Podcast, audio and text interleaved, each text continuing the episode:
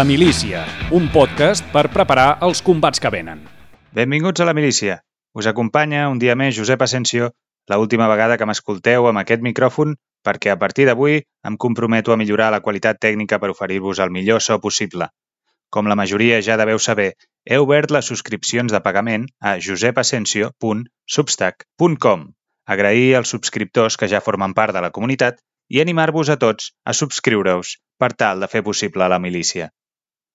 Avui conversem amb John Sindreu, periodista del Wall Street Journal, resident a Londres, per parlar d'això que anomenem les plataformes de streaming, Netflix, HBO, Disney+, Filmin, que des de fa uns anys són un dels llocs predilectes de l'entreteniment i on consumim el producte estrella de la narrativa contemporània, les sèries. En John, amb la seva curiositat i el coneixement de les interioritats del món financer, serà un bon guia per ajudar-nos a comprendre en què consisteix aquest negoci i cap a on es belluga. I parlarem sobre la sequera creativa que sembla que travessen aquestes empreses, sobre els costos de produir una sèrie i esbrinarem què vol dir el churning. Tot plegat ens ajudarà a fer-nos una idea millor d'un sector que, si bé no és el que genera més beneficis, té un gran pes en la manera com es fabriquen les històries que ens expliquem.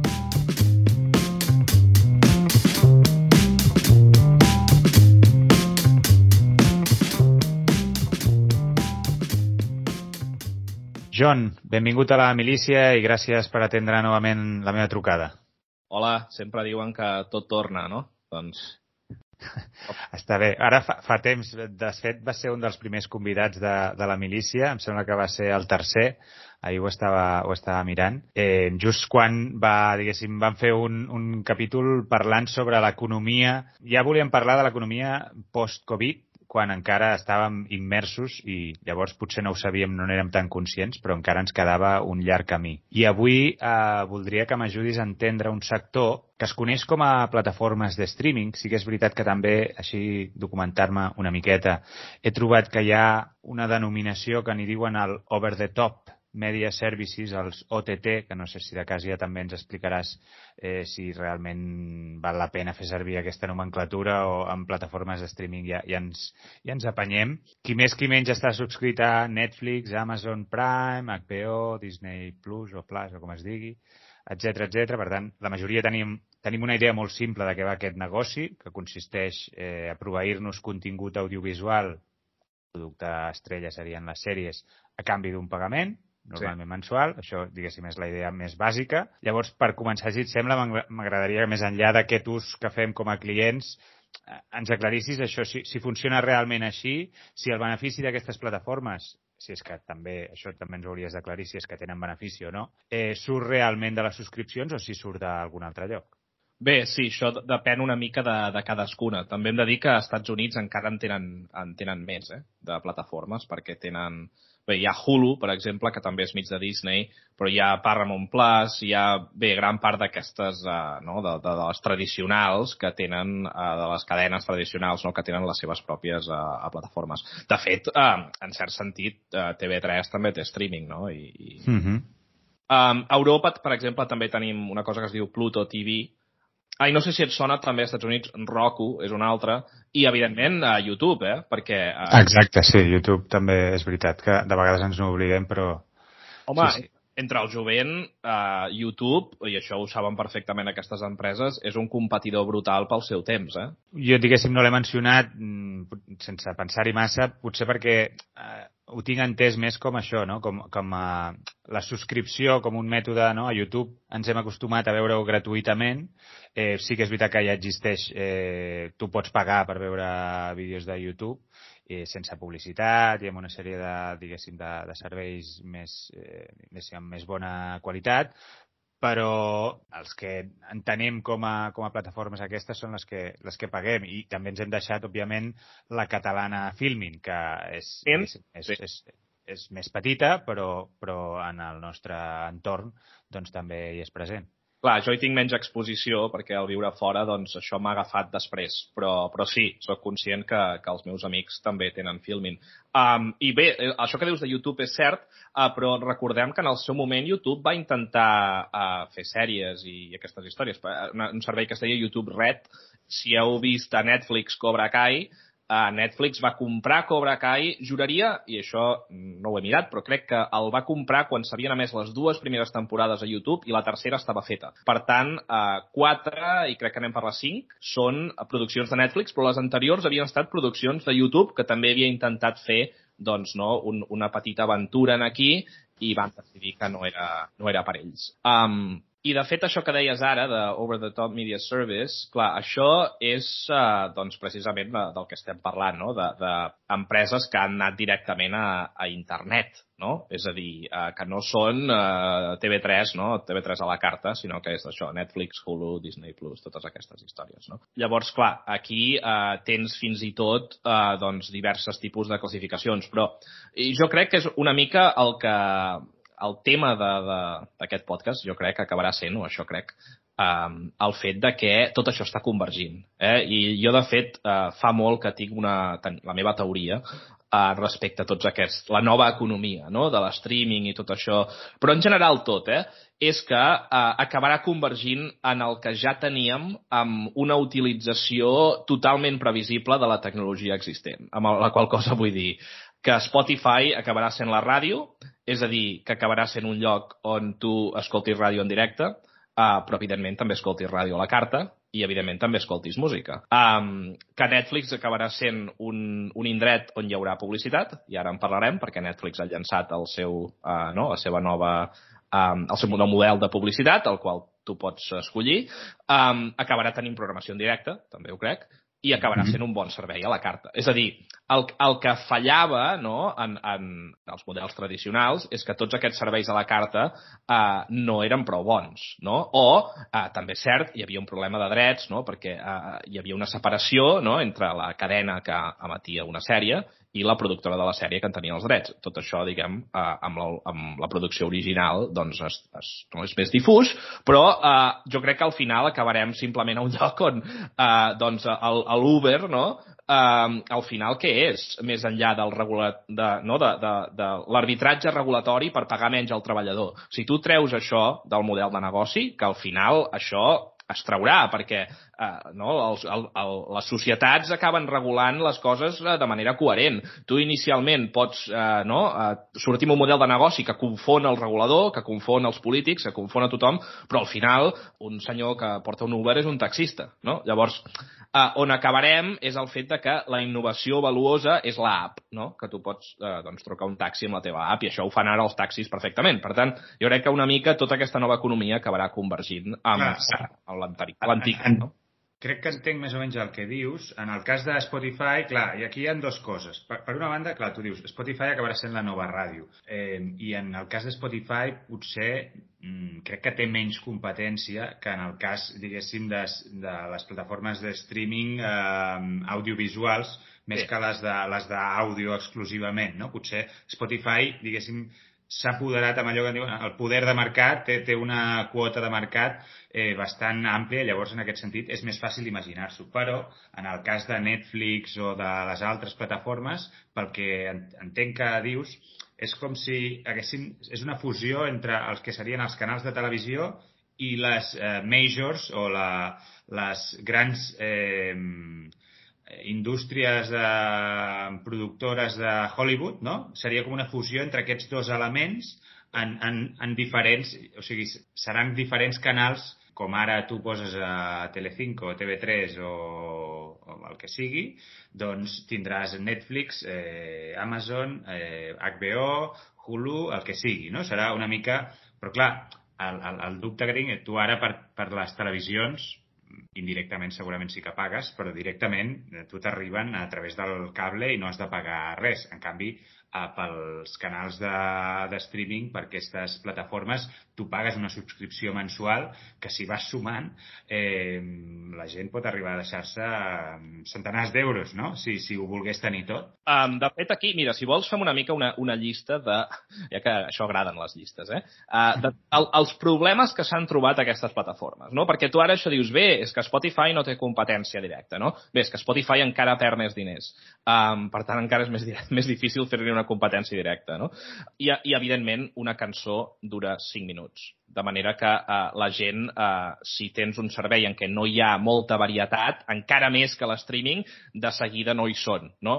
Um, però uh, fa res, eh, que ara ens n'hem oblidat, el debat era si Netflix tenia un monopoli insuportable. Això era el debat en els cercles financers i fins i tot al bar, eh? Uh, és a dir, Netflix, ah, clar, ara, ara està molt bé, però en el futur el seu poder monopolístic eh, serà tal que ens pujaran a tots les subscripcions i, i vaja, i tindran tot el mercat. És veritat, han augmentat el, el preu de les subscripcions perquè Netflix, eh, i això no sé si la gent ho sap, fa diners a nivell comptable, és a dir, si tu vas a mirar, això és una mica complicat eh, a nivell de comptabilitat, tu vas a mirar Netflix, mires el, el, els beneficis, en net no en fa, però si tu mires el que se'n diu el EBITDA o aquestes històries, eh, en net a vegades també, eh, l'EBITDA d'aquestes històries, té, té beneficis. Però què passa? Quan tu mires els diners que entren i els diners que surten, el que se'n diu el cash flow, eh, amb, amb, el, amb el terme financer, és un forat. Per què? Doncs perquè han d'anticipar tots aquests costos no? per produir més i més i més i més. Uh, per tant, sí, Netflix ha pujat, el, ha pujat els preus, però ha pujat els preus perquè el model de negoci no està funcionant. No ha pujat els preus perquè té un poder monopolístic tal que, vaja, que no se'l pot aturar. De fet, eh, com tu dius ara mateix, li ha sortit competència per tot arreu. No? Um, I a més a més, alguna d'aquesta competència s'ha de recordar. Per exemple, Amazon, no? Amazon Prime Video, o Apple TV+, tots aquests no competeixen directament amb Netflix, perquè per ells l'streaming és part d'una un, no, sèrie de negocis diferents en què ells volen portar usuaris a d'altres llocs on ja faran els calés. Netflix no ho té, això. Netflix és la, la demostració, això que els mercats financers se'n diu un pure play, no? És a dir, tu inverteixes en Netflix i estàs apostant directament a l'streaming. Si funcionarà o no funcionarà. Quan tu inverteixes en Disney, estàs apostant a una sèrie de coses, eh, des de parcs temàtics fins a pel·lícules, no? fins a, a sèries tradicionals, que encara en fan, uh, totes aquestes històries. No? Bé, uh, però, però llavors la pregunta és, què, què està passant no, amb aquest model de, de streaming que semblava que s'anava a menjar el món? El primer uh, és el que dèiem ara, és la competència. No? I, a més a més, el, el, els costos. No? Això seria el, el, el segon. Cal explicar també que aquí hi ha un model eh, financer diferent respecte a les sèries eh, tradicionals. No? Netflix eh, el que fa normalment és que paga molts més diners, eh, i això ho sabem per les companyies que negocien amb ells, eh, d'entrada, no? i fa servir el que se'n diu un model... Paga molts, molts més diners aquí. A, a... A, la, a les productores que li fan una sèrie, per exemple. No? Eh, tu vens una sèrie a Netflix i eh, normalment ells el que fan és el que se'n diu un contracte cost plus, que vol dir que ells cobreixen el, el cost de la producció, no? i una mica més a sobre eh, doncs per, de, de benefici eh, no? per la productora. Aquí hi ha, hi ha diguem, eh, informacions diferents de quan més paguen, però el, el que és rellevant és que en un contracte tradicional de, de llicenciar una sèrie a la televisió, normalment el que feia eh, la, la cadena no? era que eh, doncs, anava matent la sèrie i pagava a la productora doncs, un 60, un 70% dels costos de la producció. Um, què passa? Que després aquestes sèries anaven a sindicació, no? el que se'n diu als Estats Units, que és que totes aquestes petites cadenes locals uh, doncs, uh, la matien, uh, els royalties, uh, màrqueting, tot el que tu vulguis, i llavors, uh, amb els anys, uh, la productora acabava cobrant uh, molt més del que hi havia invertit. Uh, per tant, uh, eh, hi havia un risc major per la gent produint les sèries, no? Eh, tu estaves fent una aposta en què si la sèrie després no durava i no funcionava, tu estaves llançant moltíssims diners. Um, en canvi, les sèries exitoses, les que no, hi havia reposicions, se sindicaven, etc etc, aquestes acaben sent una mina d'or durant un, uns anys eh, molt llargs, no? És a dir, la cua de, de, dels calés que t'acaben arribant uh, són, són, són molt bèsties. Uh, I a vegades fins i tot uh, històries com el màrqueting, no? Si penses en una sèrie com Star Trek, per exemple, Star Trek uh, s'emet primer el, mil, el pilot és del 66, crec, la primera sèrie, aquesta sèrie va ser un fracàs. No, no, no va funcionar, es va cancel·lar, l'anaven a cancel·lar a la, a la segona temporada, al final els fans van enviar tantes cartes que va ser la tercera, però no va funcionar mai. Fixa't tot el que ha generat eh, econòmicament Star Trek des de llavors, no? en les reposicions. Això et demostra que és un model diferent. En canvi, eh, Stranger Things no? és trinco-trinco No? Eh, és a dir, tu pagues eh, per, per un producte caríssim eh, i, eh, per tant, qui assumeix el risc ja no és tant el, el qui fa la sèrie, sinó que és Netflix. Clar, això acaba sent una mena de carrera en què tu has de posar més i més i més i més diners per generar contingut per la teva plataforma. No? I això explica per què, quan tu mires el cash, eh, surt molt més del que entra. I és que, clar, eh, i aquí anem al tercer problema. Si tu vols substituir la tele, i això és el que Netflix en el seu dia deia, nosaltres som, venim a substituir la tele.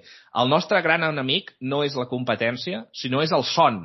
Això és el que deia el, el director. El son? Què vols dir, el son? Quan la gent dorm, és a dir, ells, ells donaven la batalla per guanyada a nivell de competència, no? Ells el que deien és, bé, però nosaltres el que volem és que miris més i més i més i hores del nostre contingut. Però, clar, és que el contingut s'acaba i el contingut nou que és el pel que Netflix apostava, és molt car. El contingut antic, coses com The Office, Friends, totes aquestes històries que a Netflix, de fet, li generaven una gran part del seu, no, del seu, del seu ingrés. Tot això, a mesura que els altres, eh, els altres, les altres empreses del mercat s'adonen que ells també volen posar serveis de, de streaming, tot això li treuen a Netflix, no? Diuen, no, nosaltres ho volem pels nostres serveis de streaming. Per tant, tota aquesta gran font d'ingressos, que eren sèries antigues i pel·lis antigues, o és més car o desapareix. I per fer contingut nou, si vols arribar a tothom, i aquí parlem també de mercats eh, amb altres llengües, no? Eh, Alemanya, Espanya, Netflix ha, ha, ha fet produccions a tots aquests mercats, tot això és molt, són molts calés de, de mercats que no coneixes. I al final, eh, clar, quantes sèries eh, eh, pots arribar a fer en espanyol. Ja no diguem en català, no? Si vols arribar... És que és, és molt, molt, molt car. Llavors, amb el que, amb el que hem arribat en aquí eh, és el fet de que eh, doncs, estan intentant estalviar. No? És a dir, Netflix ha començat a cancel·lar sèries a partir de la tercera temporada, normalment, si no tenen molt èxit, eh, perquè saben que si tu en contractes més, els actors comencen a demanar més diners, això sempre és així, i per tant els costos exploten. Llavors ells el que volen fer és menys longitud no? de més coses. Al contrari que la tele tradicional, que el que volia era una sèrie d'èxit que li durés 10 anys. Um, Netflix el que vol és el contrari, no? És sèries que tinguin un cert èxit i a la que els costos comencen a pujar, cataclac, anem a la següent. Um, jo no sé si tu mires uh, Disney+. Plus he vist alguna cosa. Si tinc dues filles i a més, eh, sí, sí, ho tenim a casa. És, és extrem, això. Si tu mires el que estan fent amb Marvel, per exemple, o amb Star Wars, estan traient multitud de sèries de 6 episodis, 8 episodis, de franquícies que ja són conegudes, que són les que sabem que porten gent a, a veure-ho, no? i te les van traient, no? És a dir, no, no fan una sola sèrie um, de 20 episodis um, que dura tot l'any, no? Uh, fan, uh, ara trec aquesta, llavors ara trec l'altra, no? etc etc etc. I per... això és per, per reduir costos.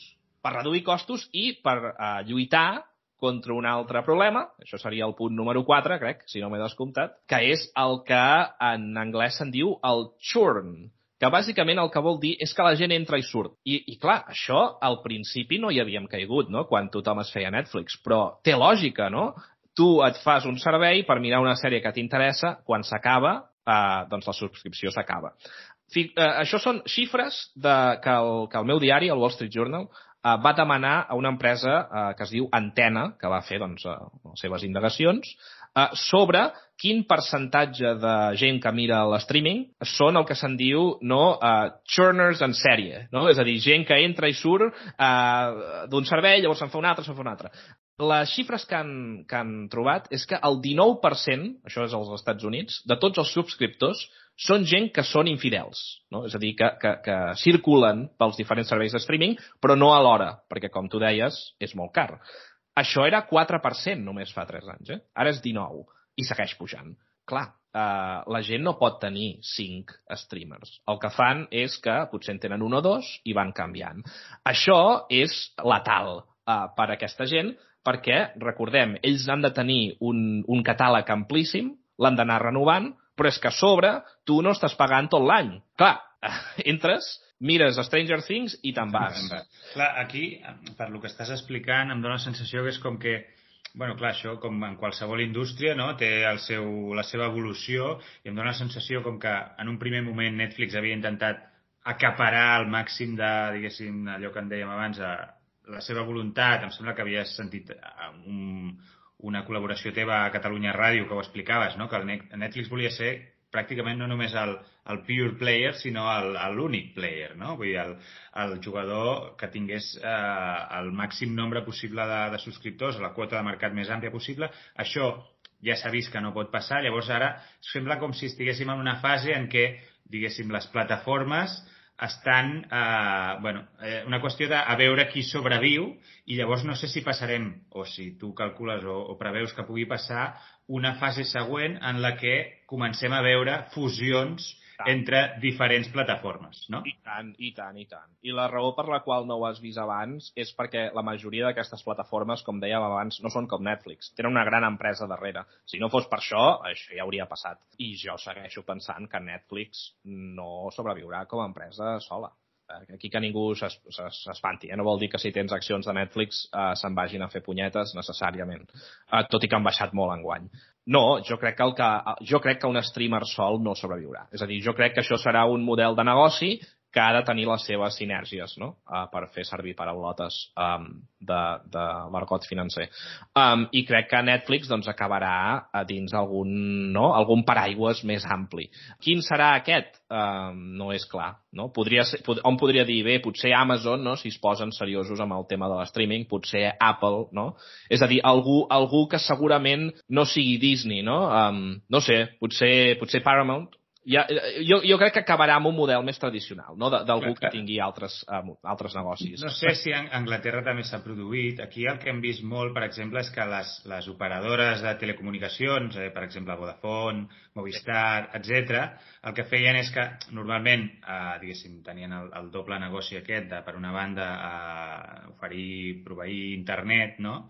I, o telèfon, telefonia, etc. I per l'altra també tenien les seves pròpies plataformes eh, Movistar, doncs tenia el, el Digital Plus, etc eh, etc, que encara ho tenen, no? Però llavors han pactat a, a dins d'aquestes plataformes, doncs tenen no? Tens HBO, o tens Disney, o tens Netflix, estan, diguéssim, estan a dins, és com si hagin fet una, una petita, diguéssim, una col·laboració, o com li diguin, eh, per, per, diguéssim, entre les teleoperadores i les plataformes de streaming. No sé si això és una d'aquestes possibilitats que, que comentaves. I tant, ja està passant. Um, aquí, de moment, el que, el que ho està fent, per exemple, és, és Disney uh, als Estats Units, que, que uh, com dic, té part de Hulu, que és un altre servei, uh, i ja està venent un pack. Um, un article uh, molt interessant, també del meu diari, uh, recentment explicant uh, que aquí cada vegada hi ha més interès per acabar fent això de fet, eh, després d'una sèrie de fusions, Warner Bros., eh, que també doncs, ara no, està, inver està invertida en HBO, no? uh, HBO Max i uh, Discovery Plus, doncs uh, diu que uh, doncs, uh, això doncs, es podria agrupar. No? Paramount està venent eh, doncs, el seu servei de streaming com a part d'una subscripció eh, de, de membres de Walmart, que és aquest, uh, aquesta cadena de supermercats. Aquí uh, jo crec que és inevitable. És a dir, s'acabarà uh, allò que dèiem, no? Uh, tornem on estàvem una mica al principi. Doncs amb el tema de, de la tele per cable, no? allò que et venia en tot allò, o això que tu dius ara, no? Tu compres a Movistar i et ve tal i qual, doncs uh, acabarem al mateix lloc perquè la gent no té la capacitat uh, de pagar per tantes coses. Però bé, al final els costos són els que són. Per tant, vol dir que el contingut també es reduirà no? per adequar-se a aquesta nova realitat. Altres eh, exemples de com el model de Netflix no està funcionant. Per exemple, eh, al principi eh, Netflix estava molt basat en, eh, en publicar tots els episodis d'una sèrie a l'hora. Ells deien, traiem aquesta sèrie i et posem sí, sí. Els, els 15 episodis a l'hora. Això era fantàstic per molta gent, no? És, et posaves allà i et passaves un cap de setmana mirant una sèrie i l'acabaves.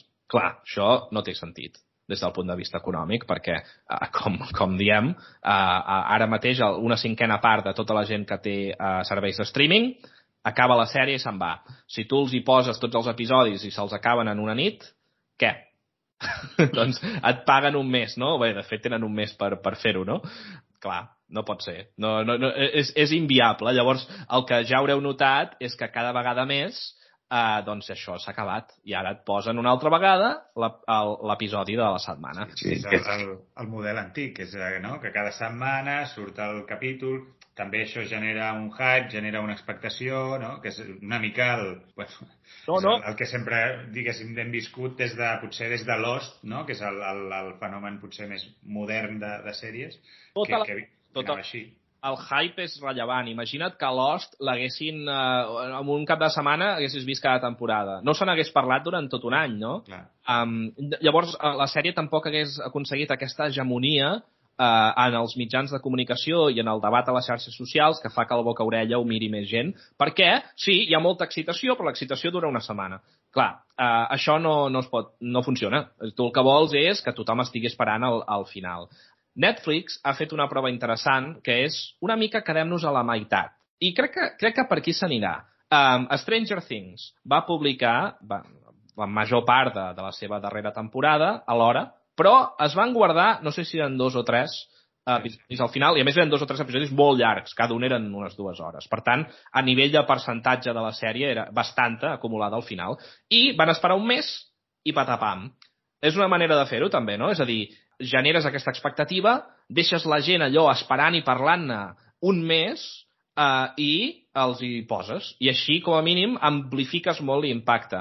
I allargues una mica a la durada de les subscripcions, tot i que tampoc massa, no? perquè només és, és un mes extra. Um, però bé, això podria ser un model, no? És a dir, sobretot si fas sèries amb més episodis, doncs potser em pots de, deixar caure quatre al principi, que això cada vegada es fa més, dos o tres al principi, um, no? blocs, ho, ho fas en blocs. Um, tot això conviurà, no? És a dir, Netflix introduint anuncis per a certs subscriptors que paguen menys, no? certes sèries que, que et posen uns quants episodis a l'hora i uns altres després, tot això conviurà. Jo crec que no serà ni, ni tornarem totalment no? a l'episodi per setmana, etc etc, amb anuncis per tothom, eh, però tampoc anirem al, al, al que era el Netflix del principi, que és una cosa que, com en moltes d'aquestes empreses tech, al principi, no? Eh, vaja, se'ls fan els ulls gasosa i es pensen que han descobert eh, la sopa d'all, però després, a mesura que el mercat eh, s'equilibra a una cosa normal, eh, resulta que, bé, potser hi havia una certa lògica en com es feien les coses abans i, tot i que, evidentment, internet canvia les coses, ens hem de trobar una mica al mig. I després hi ha un altre element que, bueno, mig ja, ja l'has comentat, eh, quan deies que, per exemple, Amazon, eh, el seu servei, el Prime Video, doncs és, és com una és una cosa subsidiària del, del gran negoci d'Amazon. No? Llavors aquí jo hi ha una, una impressió que em dona també, no només en aquest sentit, sinó en el sentit de, de, de que aquestes plataformes en alguns casos ocupen, ocupen el lloc no només a nivell d'indústria, de, dels grans estudis de, estudis de Hollywood, no? d'aquella de l'època daurada, diguéssim, sinó també com a estructura propagandística. I penso, per exemple, en Amazon Prime perquè em dóna la impressió que han fet un cert èmfasi en, en la ciència-ficció, per exemple, i això va molt lligat en els projectes aeroespacials que té, eh, hi ha una altra branca, diguéssim, de, de les empreses que té Jeff Bezos, que estan molt orientades cap aquí. No sé si amb això creus que, diguéssim, com a producte cultural també serveix, no?, òbviament, per anar eh, guiant algunes, algunes idees que hi puguin haver darrere d'aquestes empreses, no? Blue Origin, no? És, eh, Exacte. Uh, que Jeff Bezos vol anar a l'espai i segurament doncs, uh, doncs digitalitzar el seu cervell i eh, no, programar-lo en, algun, eh, en alguna galàxia llunyana eh, per viure per sempre i dominar l'univers. Um, bé, sí, eh, però és curiós perquè la, per mi la, la, la gran sèrie, i si no la veieu us la recomano moltíssim, que, que està promovent la carrera espacial està a Apple no, no està a Amazon Prime, que és For All Mankind. Uh, I si no l'heu vist, us la recomano perquè és collonuda. Um, apuntaré, apuntaré. I és la que realment et, la veus i et fa, et fa allò un entusiasta de la carrera espacial. Um, jo diria que això és un cas més de, de causació comuna però no causa i efecte. És a dir, jo crec que el fet de que Jeff Bezos li agradi la ciència-ficció i la fantasia és el que ha fet que tingui tant l'empresa aeroespacial com que Amazon Prime Video s'hagi especialitzat en ciència-ficció, però que una cosa no, no causa l'altra. Amb alguna petita excepció. Uh, hi ha algun documental propagandístic en què es veu Blue Origin i que va enviar William Shatner, a més, que és l'actor que feia del Capità Kirk a Star Trek, el van enviar una, uns segons a, a, a la termosfera, saps això que es fa de turisme espacial, i van gravar tot un vídeo el van posar a Amazon Prime. Aquestes coses sí, és a dir, hi ha, hi ha producte propagandístic a dins d'Amazon Prime Video. Però, uh, pel que sabem, eh, uh, la raó per la qual, per exemple, Amazon Prime Video va comprar The Expanse eh, que estava a Netflix i, i perdia calés per tot arreu, um, i la van comprar i va seguir perdent calés per tot arreu, tot i que és una grandíssima sèrie, um, és perquè Jeff Bezos personalment li agradava, no? I, i la raó per la qual uh, Amazon Prime ha posat aquesta calarada, que s'estima que són mil milions de dòlars en la sèrie del Senyor dels Anells, uh, els Anells de Poder, és perquè Jeff Bezos personalment li agraden el Senyor dels Anells. Perquè si tu mires des d'un punt de vista financer, um, és el que tu deies. Amazon Prime Video és, és anciliar per a Amazon. De fet, té 168 milions de subscriptors només als Estats Units, però només un 21% han provat mai a l'streaming. Per què és? Doncs perquè tenen Amazon Prime per, a, per als paquets. El fet que el posis l'streaming és, és, és veritat, és una manera de donar-te un extra, no? I, de, i de, de portar més gent a la plataforma, de fer que després potser comprin altres històries, però, a veure, eh, no té cap sentit per Jeff Bezos, financerament, invertir mil milions de dòlars en una, en una sèrie. Això distorsiona el mercat, no? Vull dir, si estem parlant d'un actor que en realitat Bé. té, té aquest servei com, com una cosa, diguéssim, auxiliar del seu negoci, però a la vegada té la capacitat de poder fer una despesa així per, per crear una cosa com aquesta sèrie de, de... Aquesta és la del Senyor dels Anells, no? Perquè llavors hi ha l'altra de, de joc de... Sí. Joc, joc de, de Trons. El Joc de Trons... Eh, eh, home, Joc de Trons va fer HBO junt amb The Wire, no? És a dir, és el Presti i, i Sopranos. És a dir, HBO és, és, un, és des de fa temps no? una, una plataforma, no de streaming, eh? era de, de cable, eh, que ara també té streaming, que eh, s'ha basat en sèries de prestigi els Anells de Poder, a part de ser una autèntica merda, um, que, que més... Jo no l'he vista, però també m'han dit, dit uh, coses així. Sí. Punyol uh, descomunal, um, que, que a més a més també és un símptoma de, de diguem, el, la financiarització no? de, de, de, de l'art o, o, o, en tot cas, de, no? de, de, del producte audiovisual, en el sentit de que uh, aquí es volia que això fos un èxit no? I, i, i, i Hollywood hi ha un moment que està agafant-se no? a noms coneguts per intentar, eh, i a més a més, eh, prioritzar un tipus de coses que els hi donin bona publicitat als mitjans abans de que s'emeti la sèrie, però després les sèries són un, un autèntic bunyol, i això és un, un exemple. Però el que vull dir amb tot això és que eh, és, en tot cas, la plutocràcia no? de, de, del, del cap de l'empresa eh, tractant els seus actius amb cert eh, neopatrimonialisme, no? eh, que ha fet que eh, es produeixi aquesta sèrie per aquests diners i que hi hagi ciència-ficció en aquest canal. No tinc molt clar que sigui una decisió realment financera. Per més que la gent li sorprengui, aquestes coses a vegades eh, funcionen així. I venim d'una època en què qualsevol cosa que tu poguessis justificar amb, amb creixement d'usuaris, eh, doncs el mercat la rebia bé. Uh, per què? Doncs perquè veníem d'un període en què uh, tot això havia funcionat. No? És a dir, si tu te'n vas a l'any 2010, per exemple, el mercat era molt escèptic que Amazon, en general, l'empresa, dic, eh, la, la que ven sí. coses, uh, mai fes diners, perquè Amazon estava invertint molt, molts calés en centres de distribució, en, en cloud computing, en un, en un munt de coses, i no, no el que els, els senyors que tenien les accions doncs no estaven cobrant gaires eh, dividends, no? I hi havia escepticisme. Hi havia escepticisme que Facebook també fos no, el, el que seria, hi havia escepticisme fins i tot sobre Google i cert sobre Apple, i al final tot aquest escepticisme es va demostrar infundat. Aquestes empreses van demostrar que les economies d'escala que havien acumulat els hi permetien generar tonelades de beneficis. I això va generar una segona onada en què tot el que generava economies d'escala i de xarxa era bo, Llavors el mercat, pam, posant-hi calés i calés i calés. Per tant, tu no havies de justificar massa res. Ara això ha canviat, no?, amb aquesta crisi. Diguéssim que s'ha equilibrat una mica el, el, aquesta segona onada que deies, no? És a dir, va haver, hem passat de que no, no, d'un escepticisme total a pensar que tots els negocis d'aquests seran com Amazon i, i ara, diguéssim, ja ni una cosa ni l'altra, no? Ara està, jo crec que ens, ens trobarem al mig, també, no? És a dir, ens trobarem amb un equilibri en què, doncs, sí, es valoraran aquests productes no? En, que, que et permeten doncs, acumular usuaris i tenir creixement futur, però que hem arribat a una, a una certa maduresa i s'haurà de justificar el cost i s'haurà de tenir un model de negoci uh, sostenible. Um, de fet, Facebook l'altre dia va fer fora 11.000 empleats i Mark Zuckerberg personalment va demanar disculpes eh, per, en, en els inversors, eh, no tant en, el, en, bé, en els treballadors també, però, però bé, eh, crec que li preocupen més els inversors, um, per eh, no haver contingut la despesa en, en capital, no? és a dir, per, per no haver contingut eh, doncs aquesta, aquesta visió no? de que es tracta de llançar diners a coses que tindran creixement futur, com el metavers, per exemple, tot i que segueix dient que el metavers és el futur de l'empresa, que ara es diu Meta, ja no es diu Facebook. Però eh, hem arribat a un punt que ho has de justificar, per entendre'ns. Eh? De meta, bueno, m'agradaria parlar potser més, més cap al final ja, però um, m'interessa l'exemple que has donat sobre Joc de Trons, no? que és l'última, no sé com es diu ara, l'última...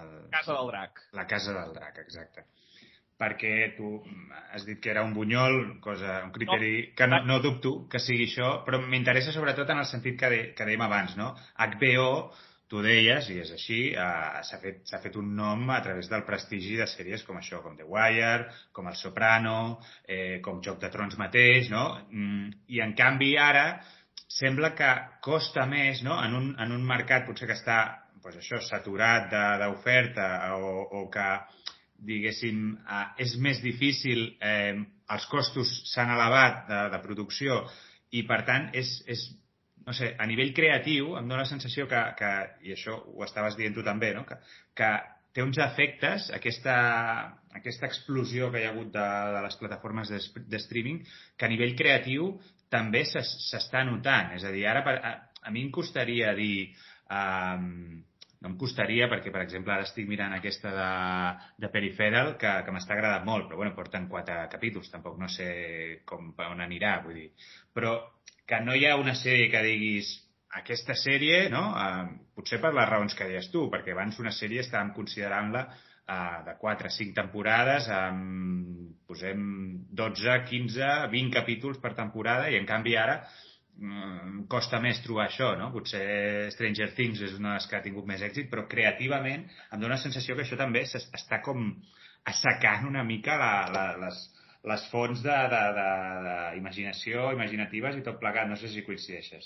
Sí, però aclarir que La Casa del Drac és molt bona sèrie. Eh? El, el, que, no, el que no funciona és, per mi, el, els anells de, de poder, que de fet havia de ser una confrontació no? entre aquestes dues sèries de fantasia i eh, ja vull parlar un moment també de l'opacitat eh, de, dels resultats, que això és, també és, una, és interessant, però jo crec que la Casa del Drac està funcionant molt bé per a HBO i jo crec que potser sigui això que tu dius, eh? és a dir, aquesta nova sèrie de la qual es parli molts anys. Um, però uh, jo crec, la meva opinió, és que això ha passat en part perquè al final de Joc de Trons va ser precisament víctima d'això que tu ara deies, d'aquesta bancarrota creativa um, en què doncs, una sèrie de gent uh, bàsicament uh, es van dedicar a juntar clixés de Hollywood uh, per acabar una sèrie per passar al següent projecte. I la sèrie va desagradar tant en el seu final uh, que tots aquests projectes que tenien de, de spin-offs de Joc de Trons, com aquesta, um, van quedar tocats i, i jo crec que hi va haver una, una certa crisi i jo crec que precisament gràcies a això, a, a, al fet de que no tenien la seguretat que la gent tornés a mirar, que han hagut d'expremes molt bé el cervell i han, i han fet una sèrie de, de molt bona qualitat. En canvi, la gran majoria d'altres casos, per exemple, El Senyor dels Anells, totes aquestes sèries de Star Wars, les darreres sèries de Star Trek, per mi són la cosa més ofensiva que s'ha produït a la televisió en els darrers 20 anys, um, tot això ve de la, el voler explotar marques que la gent coneix. Uh, en cert sentit, Stranger Things és una mica això, també, perquè estem explotant la nostàlgia dels 80. Però... Que també, amb Cobra Kai també es va veure, no? És aquesta cosa de se'n tornem-hi, no? Mm. Cobra Kai, jo crec que i no tenim xifres, i aquí anem a l'opacitat, però deu ser uh, financerament un dels èxits més bèsties que té Netflix ara mateix. Perquè jo crec que no és una sèrie tan cara, però està funcionant com, com un tro. Però sí, hi ha una bancarrota creativa. I això no ve només de l'streaming, ve del cinema. Um, les sales de cinema s'estan buidant. Cada vegada és més imperatiu fer diners en el primer cap de setmana, que això ha estat així des de fa temps, però cada vegada ho és més i per tant l'única manera d'aconseguir uh, fer una producció rendible és uh, doncs una gran franquícia, com Marvel, com Star Wars. I uh, per tant els calés han anat perseguint això. Però a més a més, uh, la voluntat d'introduir nous públics, perquè totes aquestes franquícies són antigues, són d'abans de, de que nosaltres fóssim petits, no? um, ha dut a una sèrie d'estratègies, uh, per exemple, eh, doncs l'estratègia de eh, voler expandir entre el públic femení, no? que és una estratègia que, que és correcta des del punt de vista ideològic, però a nivell de, de la bancarrota creativa no? que, que rodeja aquestes franquícies ha dut moltes vegades a carregar-se el que funcionava per intentar, jo crec, amb calçador o d'una manera massa evident, suplantar, no? els, per exemple, els personatges que agradaven en els vells, no? o fins i tot una mica a la nostra generació, per, ui, nous protagonistes, joves, eh, noies, etc. I no funciona. Per què? L'exemple més, més clar és el de la, la, la senyora Hulk, no? Sí, sí, eh, una sèrie que és bastant, bastant pèssima, eh, tot i que s'ha de dir que tampoc tinc la sensació que aquí hi hagi hagut un esforç d'inversió brutal en ella. Eh? I, I al final aquí Aquí sí que s'anava més a un cert públic, jo crec, de, de dones més de, no sé, de mitjana edat, etc. És més un exemple de fragmentació de, del, del públic, que jo crec que a Marvel no, no li funcionarà perquè jo crec que gran part del que ells, de, en què es basaven el seu èxit és el fet de que no et podies perdre cap dels seus productes per entendre què passava. En el moment que tu segmentes i fas una sèrie, eh, doncs això, no?, pels, pels musulmans eh, eh, americans, no? Uh, com per exemple va ser Miss Marvel, o fas la senyora Hulk, no? per, més per les dones uh, uh, treballadores de 40 anys, per entendre'ns, el problema és que tota la gent que no està en aquesta demografia no té per què mirar-la i, per tant, potser tampoc t'aniran a la pel·lícula. Uh, jo crec que, que, que, que no els hi sortirà bé. Però, al final, uh, independentment d'això, no? el que està passant és que aquí s'ha matat la creativitat, perquè cada vegada hi ha més una intenció de uh, fer productes amb, amb, amb la llista. No? És a dir, ha de ser una gran franquícia. Ha d'apel·lar a aquest públic, a aquesta alta demografia. Ha de, clar, això mata absolutament la capacitat de fer coses noves. I precisament evidentment, les coses noves eh, haurien de tenir també molts més protagonistes femenins no? I, i variats i tot això, que llavors serien eh, apreciats pel públic com a una cosa creativa, nova i original, no? I seria una manera molt més efectiva de, de suplantar allò antic. Però, clar, eh, això costa, perquè això té un retorn incert, mentre que per als executius d'aquestes empreses, eh, doncs, no sé, DC Comics es pot mesurar però, però bé. No, no sé si, si estaràs d'acord amb mi, que em dóna la sensació que una, una de les maneres eh, de suplir aquesta, aquesta bancarrota creativa que deies tu eh, em dóna la impressió que ha sigut per cobrir altres públics, el que sigui, però s'han anat a buscar... Jo, per exemple, vull, he treballat fins no fa gaire en una llibreria i de cop i volta a l'estiu em van començar a demanar un llibre eh, no me'n recordo, era mig d'autoajuda, no, no sé exactament, vull dir, el títol no me'l recordo, però eh, era un llibre que sortia en una sèrie turca de Netflix. I, no, vull dir, normalment també el, el tipus de públic que me'l demanava era molt concret, però vaig preguntar, i aquest llibre com és cada cop igual de no? I m'ho van, van explicar, i aquesta sèrie resulta que també, vull dir, l'estàvem mirant a casa i jo no ho sabia. Però em dóna la sensació que, eh, sigui amb, amb, amb altres, diguéssim, Anana, que a més a més són sèries que suposo que a nivell de costos són molt més barates, mm, arribes a altres públics. Eh, em dóna la sensació que s'ha aprofitat també, eh, diguéssim, aquesta deslocalització a altres mercats, eh, hi ha sèries índies, sèries turques, eh, també bueno, espanyoles, franceses, no? una mica, eh, diguéssim, no només eh, americanes, eh, això s'ha aprofitat una mica per suplantar o per, o per, si més no, per tapar algun forat en, en aquesta crisi creativa de que parlàvem, no? Sí, és això i el fet de que, eh, com dic, Netflix vol arribar a diferents mercats i, per tant, també tenir producció local. Però sí, si penses en el boom del drama coreà, per exemple, no? Um, sí, clar, però això també és perquè la creativitat ha deixat d'existir una mica als Estats Units i per tant l'estan buscant, buscant en allà. Um, per altra banda, hom també pot argumentar que l'streaming ha finançat uh, sèries de gran creativitat que potser no han tingut molt èxit, però que mai haurien estat finançades en, en cap altre entorn.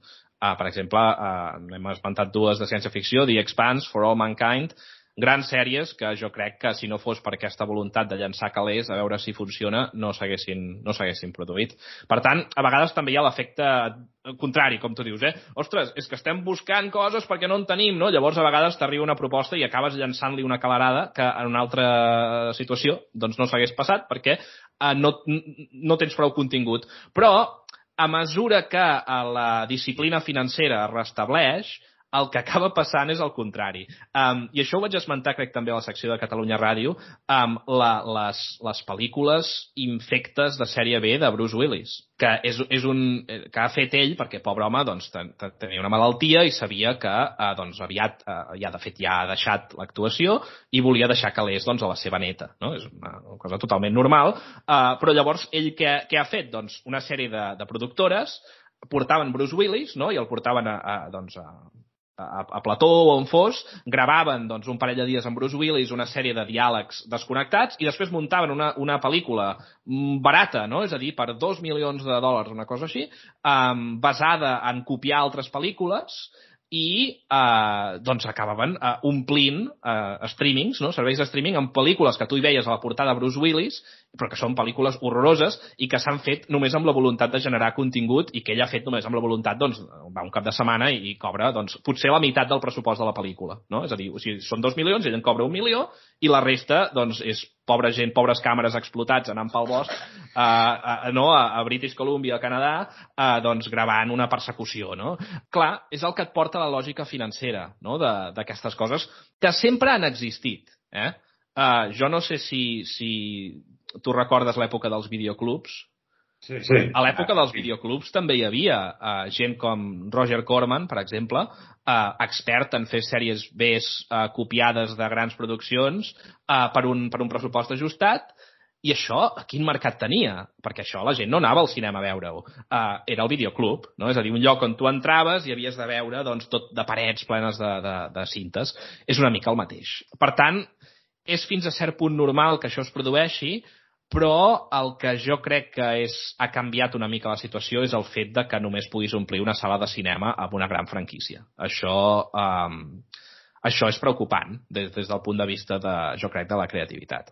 Si et sembla, crec que ja, ja portem una, una bona estona. Crec que has, has donat algunes idees de, del que pot passar en un futur més o menys, eh, diguem, mig, mig llarg termini. Una d'aquestes idees és que eh, veurem fusions entre diferents companyies, eh, inevitablement.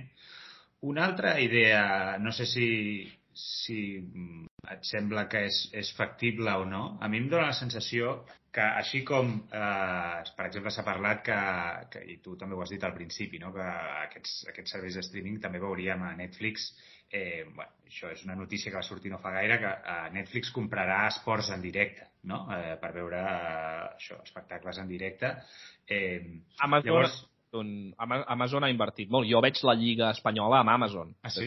Va. Doncs no sé si eh, de, de la mateixa manera que això, que això passa, no sé si també hi podem veure una convergència entre el món del videojoc i el món de l'streaming audiovisual, en el sentit de que al final no deixen de ser dos mons que tecnològicament eh, pel, pel tipus de, diguéssim, per les plataformes, pel, per l'entorn on, on es poden utilitzar, eh, poden, podrien arribar a compartir algunes, algunes eines, algunes aplicacions, etc. No sé si creus que això podria ser també una, un dels camins que podríem arribar a veure.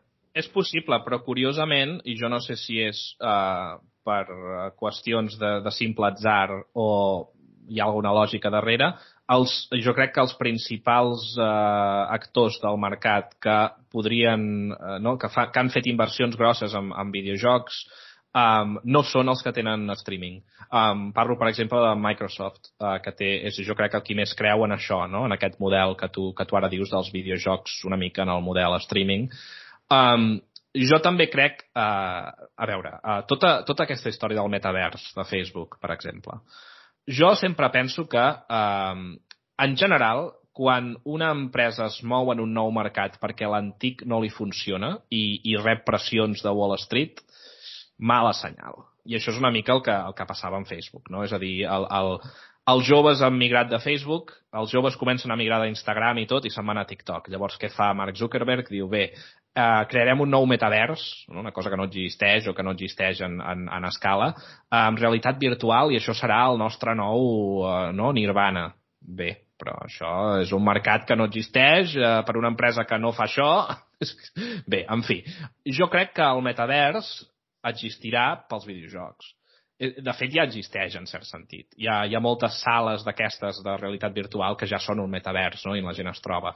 Per tant, jo crec que en tot cas les, la, la sinergia anirà per aquí. Um, si hi ha un, un mercat en el metavers serà, jo crec, basat en el videojoc. Jo no em crec que la meva reunió d'empresa, eh, no, de la redacció, eh, i anem amb, amb cascos de realitat virtual en què el meu, el meu cap de redacció tindrà el cap del Bugs Bunny, no m'ho crec. És a dir, qui, quin és la... Si, si fins i tot ja, ja, ja ens estan dient de tornar a la redacció físicament, no? És a dir, que, qui, qui, quin guany hi ha aquí? Si, si ja quan truques algú per videotrucada ja falla. Um, jo, jo no...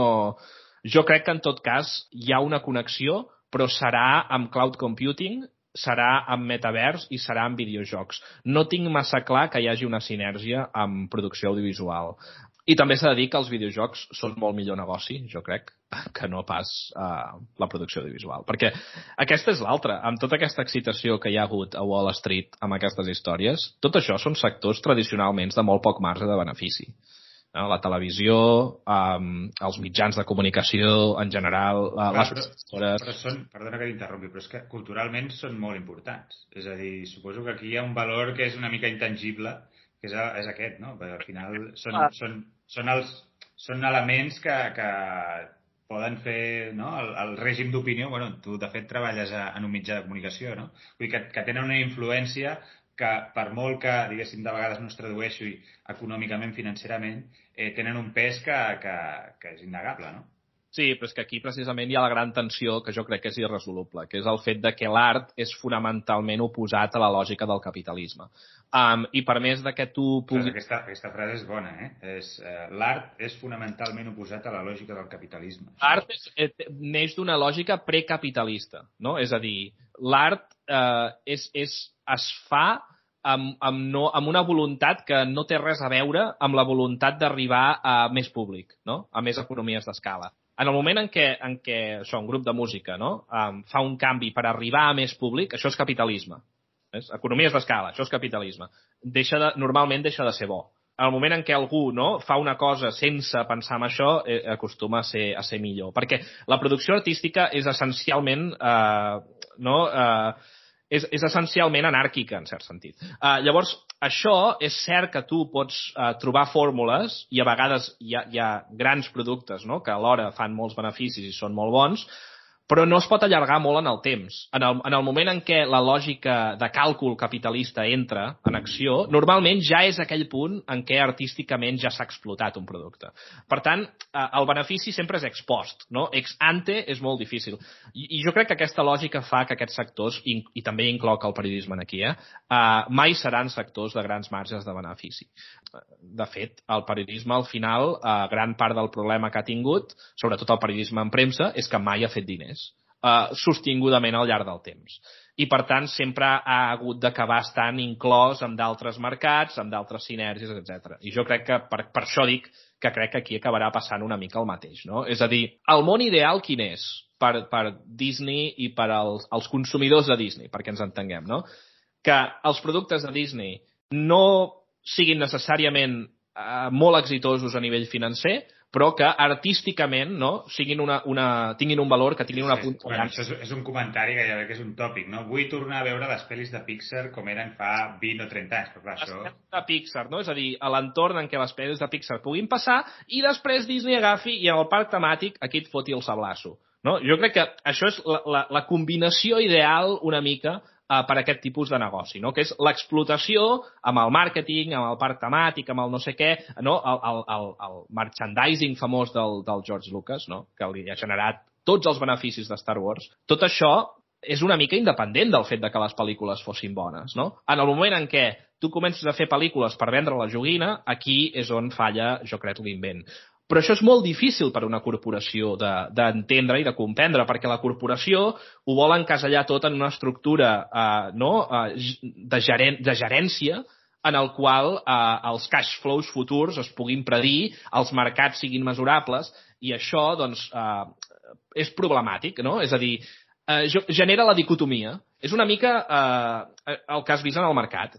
Eh, els, els, els mercats financen coses que mai generaran diners no? i tiren diners de manera irracional i a vegades en surten coses collonudes, però per altra banda també en, en els productes més madurs volen seguretat. I jo crec que aquesta maduresa del producte artístic eh, no funciona. No? És a dir, acaba no generant els beneficis que tu, que tu li vols predir.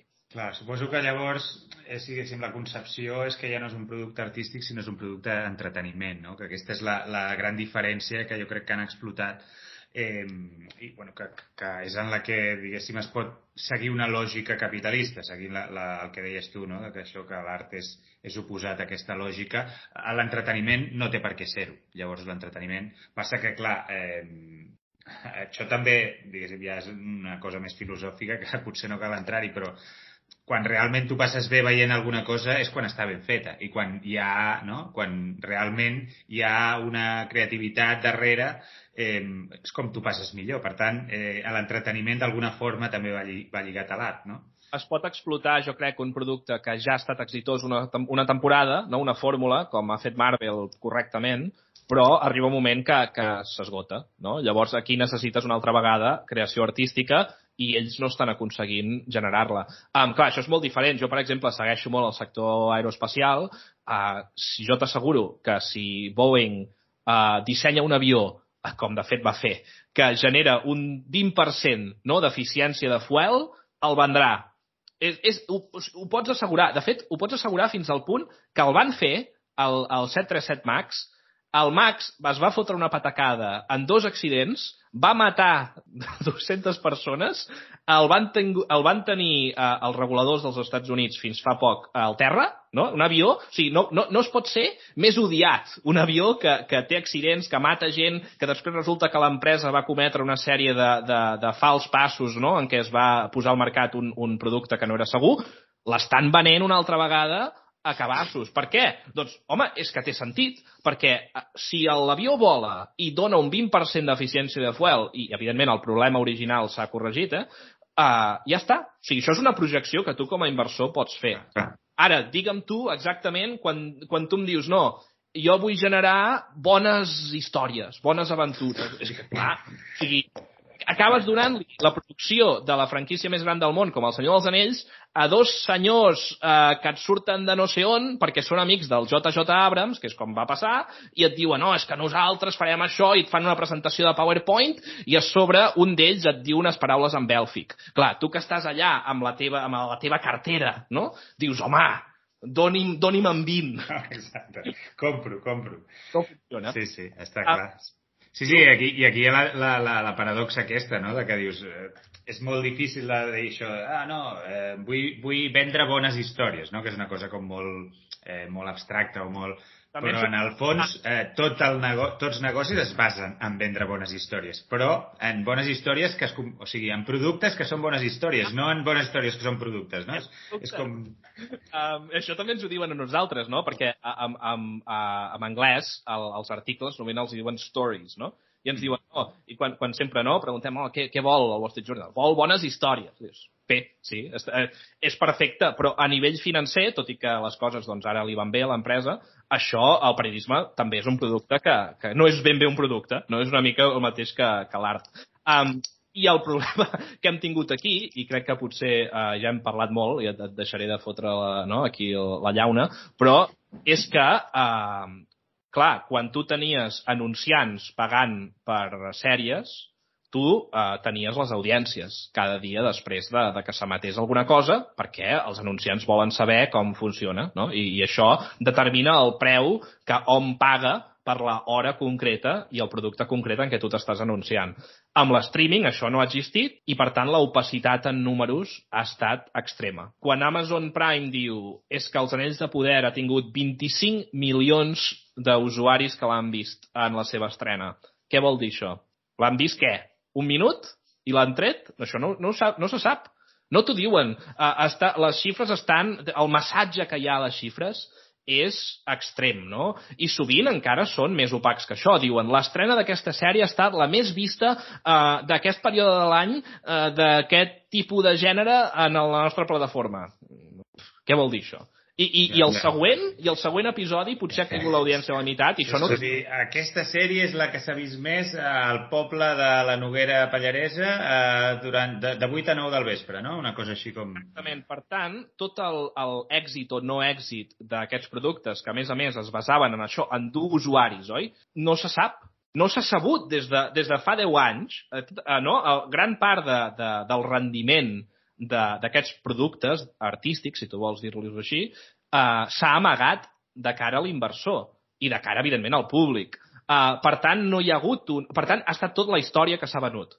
No? Si tu has venut que això està arribant a nous públics o en aquesta franja d'edat ho hem fet bé, tot això, doncs bé, vens un, una història. I, per tant, també hi ha hagut una obsessió en generar eh, doncs, eh, un comentari positiu a les xarxes socials o entre els crítics, molt més que abans, en què si un, un estudi feia una pel·lícula que qual, no, a nivell eh, de qualitat era mediocre, però el públic la mirava, eh, estaven encantats. Avui en dia hi ha molta opacitat i es busca molt també la història positiva, no? Però això canviarà. En el moment en què entrin anuncis i anunciants i tot això, es tornarà una mica la lògica del que està funcionant i ho sabrem el dia següent com, com ho sabem amb la tele. Ara mateix no ho saps. El més que tens, que són recents, són anàlisis de Nielsen que van doncs, un mes en retard i tot això, i que no són gaire acurats. Per tant, tot això canviarà i, i, i tornarem a un món en què tot estarà molt més controlat i jo crec que la conclusió seran doncs, que, que aquests dos extrems que ara comentàvem eh, doncs es trobaran a la meitat també, no? És a dir, que segurament costarà molt més finançar algunes coses collonudes que, que han aparegut com, com un bolet i dius, home, això no fa diners però és fantàstic, eh, però també eh, grans bunyols que han tingut cinc temporades eh, no es produiran amb aquest, per, per, tot per la màgia aquesta de que estem portant joves a la plataforma eh? o que estem agafant aquesta franquícia i l'estem adaptant per tal demografia. Això eh, ho sabrem el dia següent i si no funciona doncs li arribarà a la destral. Perfecte, doncs John, si et sembla ho deixem aquí. Jo crec que hem, hem contribuït a, no diré a fer esclatar la bombolla, però sí que a explicar una mica perquè eh, sí que era una mica, eh, sí que eh, hi ha un efecte una mica bombolla, o si més no, a tot això que, que hem anat explicant. I, que... i també, també una, si em deixes colar la meva falca d'una de les meves obsessions, una de, les, una de les facetes més sobrevalorades del capitalisme és el monopoli o l'oligopoli. Um, hi ha una obsessió amb això per part de l'esquerra i de la dreta que no es correspon amb la realitat. La realitat és que el capitalisme, per més que es basa en oligopolis, és extremadament competitiu. I eh, hi ha èpoques en què és veritat que el diner corre i hi ha èpoques en què no corre. Però en les dues, eh, aquesta idea de no, és que, ui, és que això és un monopoli, gairebé mai es produeix. Fins i tot, en, en, a veure, a vegades hi ha cartels il·legals eh, en, en certes circumstàncies, però acostumen a ser eh, basats en, en matèries primeres, eh, en, en productes eh, allò, no?, elaborats. Eh, quan algú es diu, és, això és un monopoli... Eh, Netflix ja s'ho pensava i mira què li ha passat. Perfecte. Doncs amb aquestes paraules acabem a, el capítol d'avui. Moltes gràcies, John. Eh, esperem poder col·laborar, poder escoltar-te en alguna altra ocasió. Moltes gràcies. Ets, ets el que em deixes allò, no?, fotre les llaunes més... allò més estructurades. Per tant... Eh, jo la... encantat, ja ho saps. Vinga. Vagi bé. I els, els oients, doncs, això, fins a la propera. Moltes gràcies per atendre'ns.